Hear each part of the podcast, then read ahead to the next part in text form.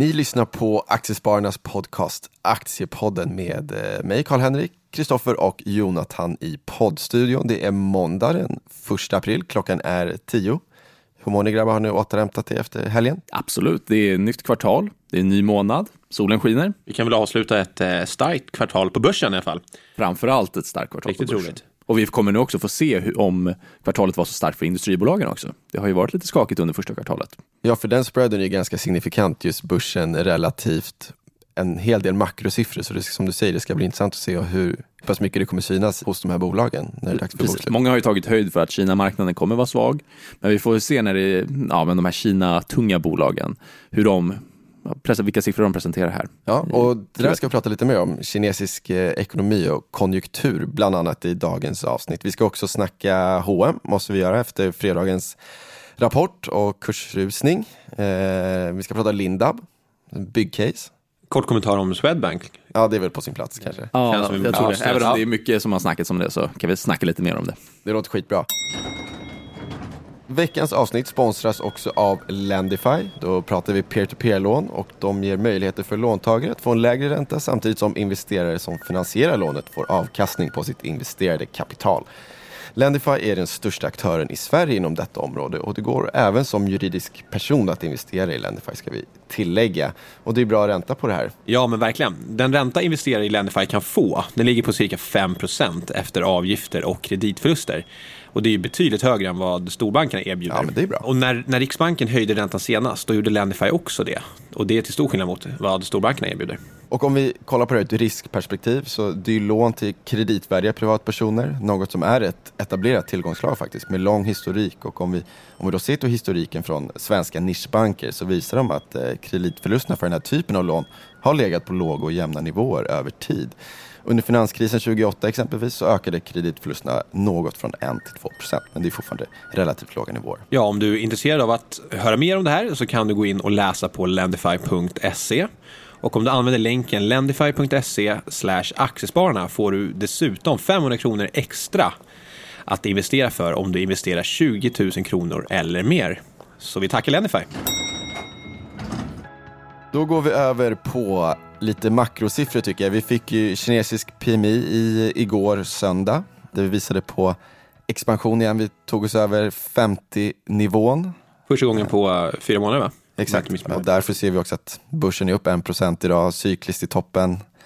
Efterlängtad eh, rekyl på den här PMI-siffran, eller hur? Ja, absolut. Jag, jag tycker att det var väldigt intressant här, att det ser ut som att det är någon form av botten och det är många som tar ut den segern i förskott också. Men som sagt, vi får se hur Ja, vi vet att Kina bromsar ju in betänkligt och eh, jag läste faktiskt en eh, analys från Morgan Stanley som sa att Kina kommer faktiskt för första året sedan 1993 har negativt bytesbalans.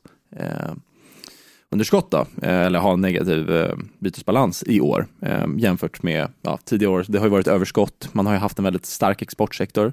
Men i takt med en åldrande befolkning, ja, försämrade marknadsandelar på exportsidan, ja, så då, då har det liksom blivit lite vittring där. Så. Men det har gjorts en hel del från, eh, från politikerhåll. Vi har sett eh, både finanspolitisk stimulans och även penningpolitisk stimulans. Eh, och det kanske är det vi också ser Rinna igenom. Ja, Exakt, det, för det är lite lagg på det såklart. Ja, I januari så, alltså man hade ju en kreditimpuls motsvarande 5% av BNP. Det var ju en extrem eh, stimulansvåg som man drog igång och det är klart att det, att det får effekt och det blir viss, viss förskjutning och viss fördröjning. Men, men det återstår att se om, om det verkligen blir liksom den här kickstarten som många har snackat om eller om det, ja, att det är lite svårt att få igång den här motorn. Ja men det är ju verkligen, det är en svår bild vi har om vi tittar globalt just nu. Verkligen. Ehm, vi pratade väl förra podden om tysk PMI och allt vad det var som var riktigt, riktigt svag.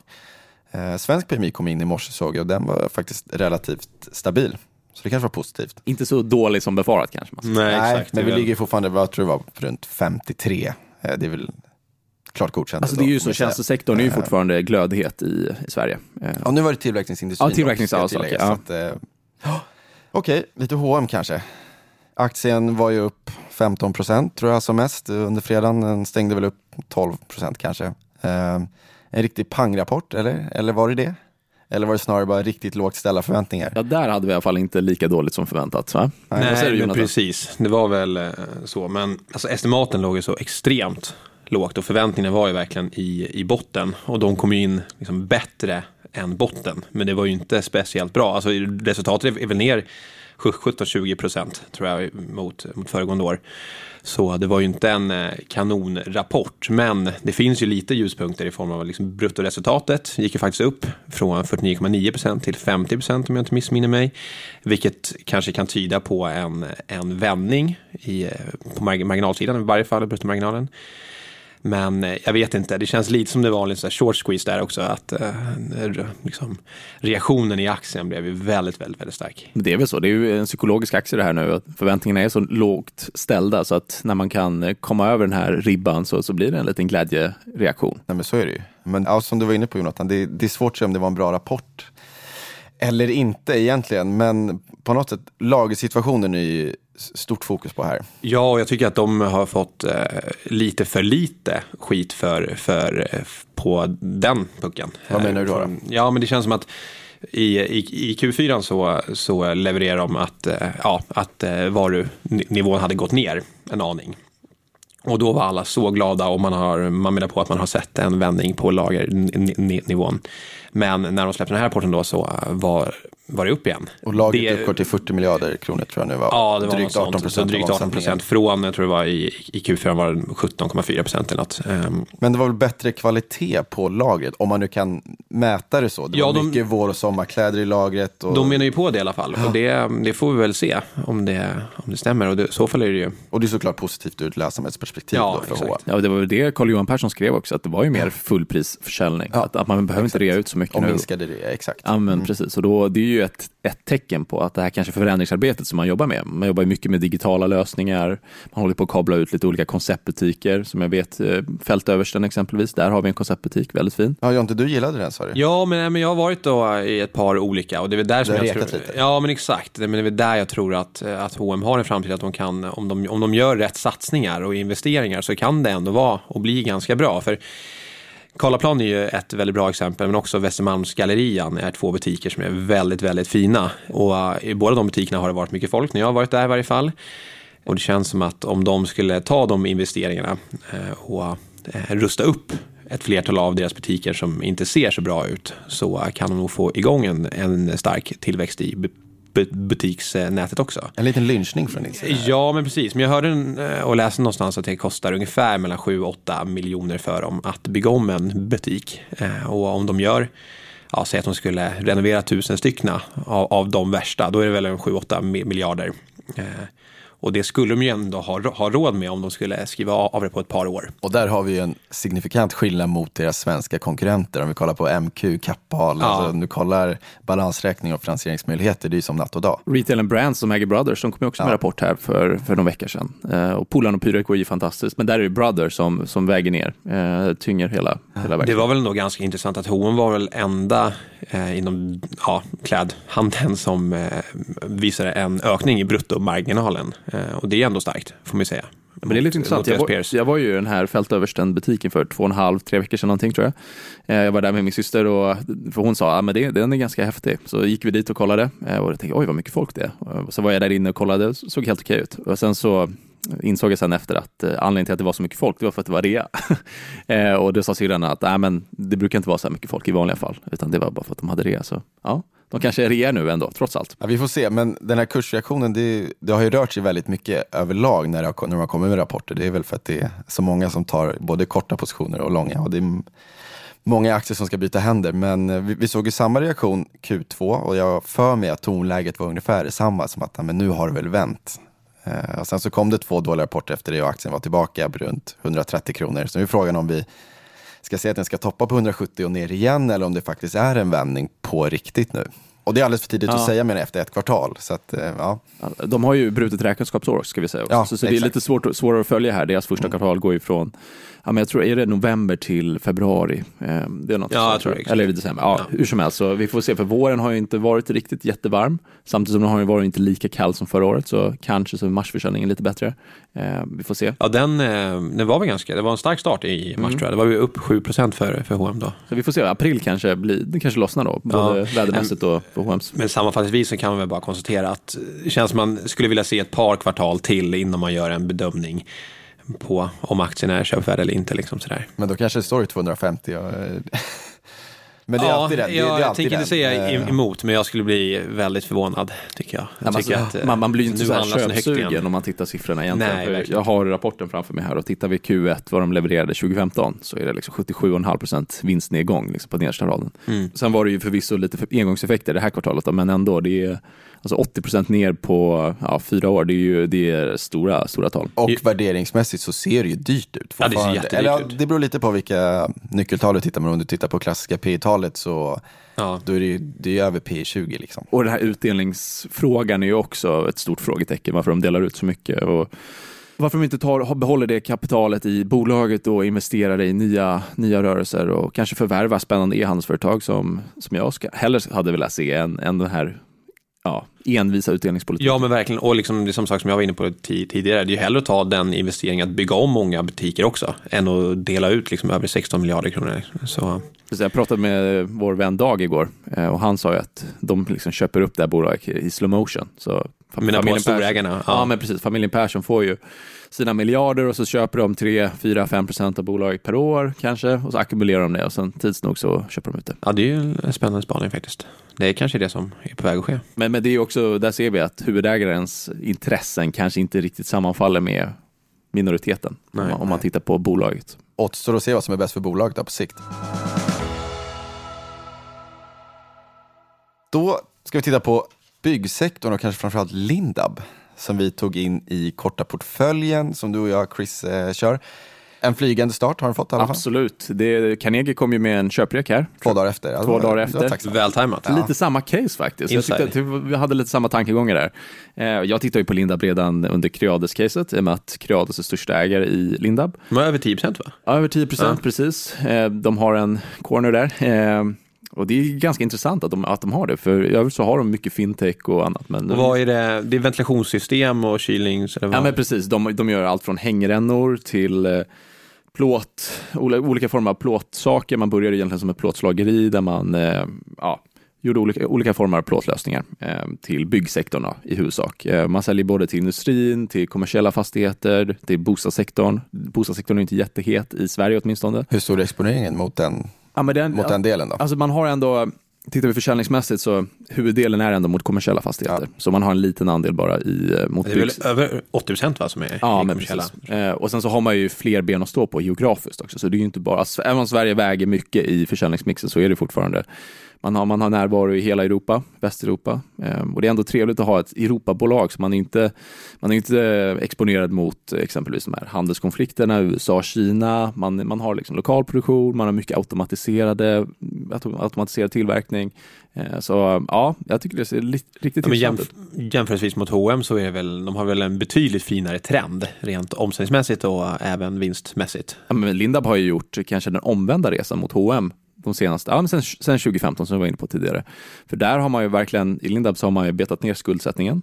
Eh, man har ju starkt operativt kassaflöde, så man har betat ner den. På eget, eget initiativ så har man tagit ner kreditfaciliteten. Ehm, och så har man höjt utdelningen nu, fyra år i rad. Ehm, trenden ser väldigt fin ut. Man har ett starkt kassaflöde som vi var inne på tidigare. Resultatmässigt så har man också gjort eh, en fin resa. Och det är väl den sista pusselbiten är på marginalsidan. Eh, men man har ju fått i ordning på det här problemområdet Building Systems, eh, som är 10 av försäljningen ungefär. Eh, så från stora förluster så har man nu skalat ner den affären. Så ja, det kanske inte är en jättelönsam business, men i alla fall en plus minus noll affär. Mm.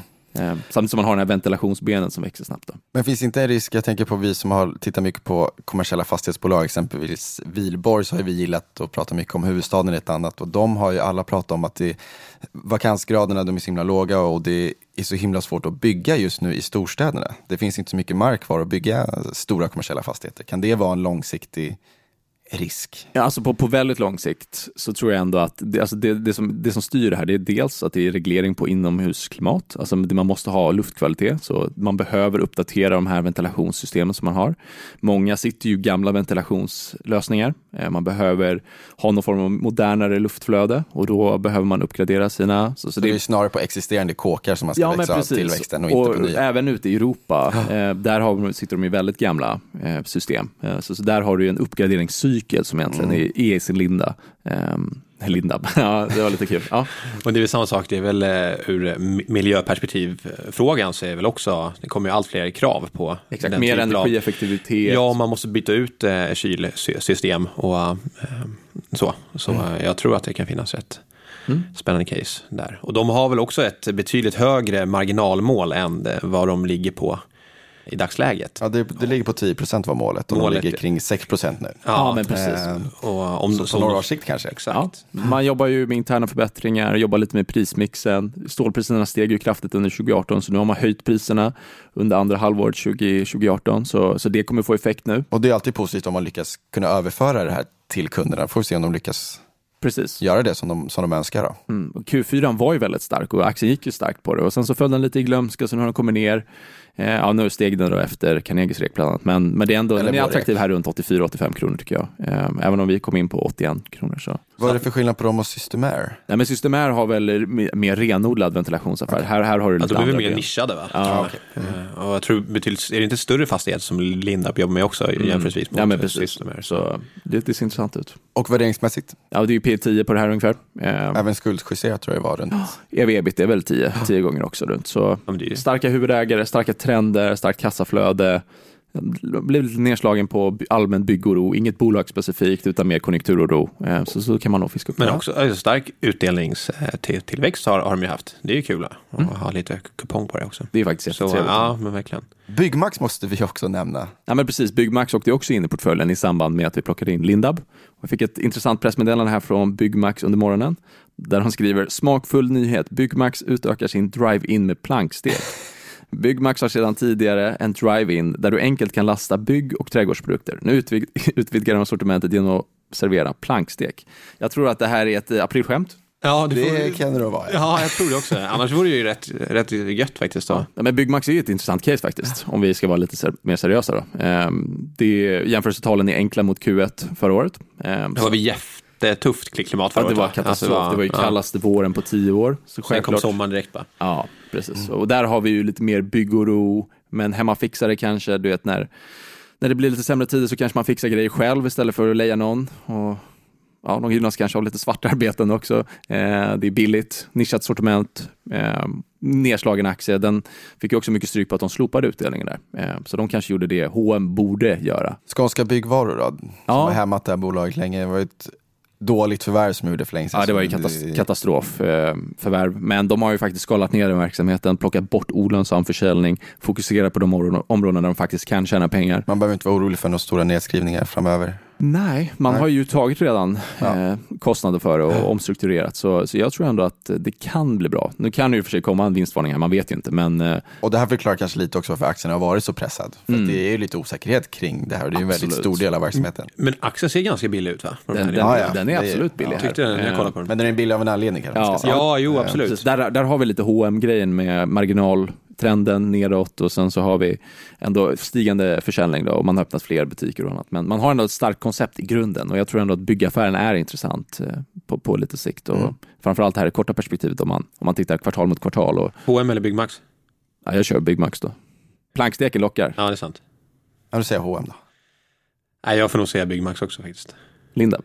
Ja, helst Lindab.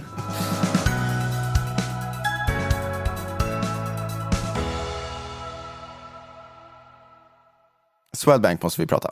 Vår vd är ju ute och pratar hela tiden. Ja, det känns som hela aktiespararen är överallt. Vi har ju varit överallt. Internationell press, Jättekul. svensk press, eh, i tv. Joakim har ju synts överallt. Och vi har väl tagit en viktig roll för, för småspararnas räkning. Och vi fick ju en delseger i det också i och med att bonusen inte fick ansvarsfrihet. Eh, Exakt.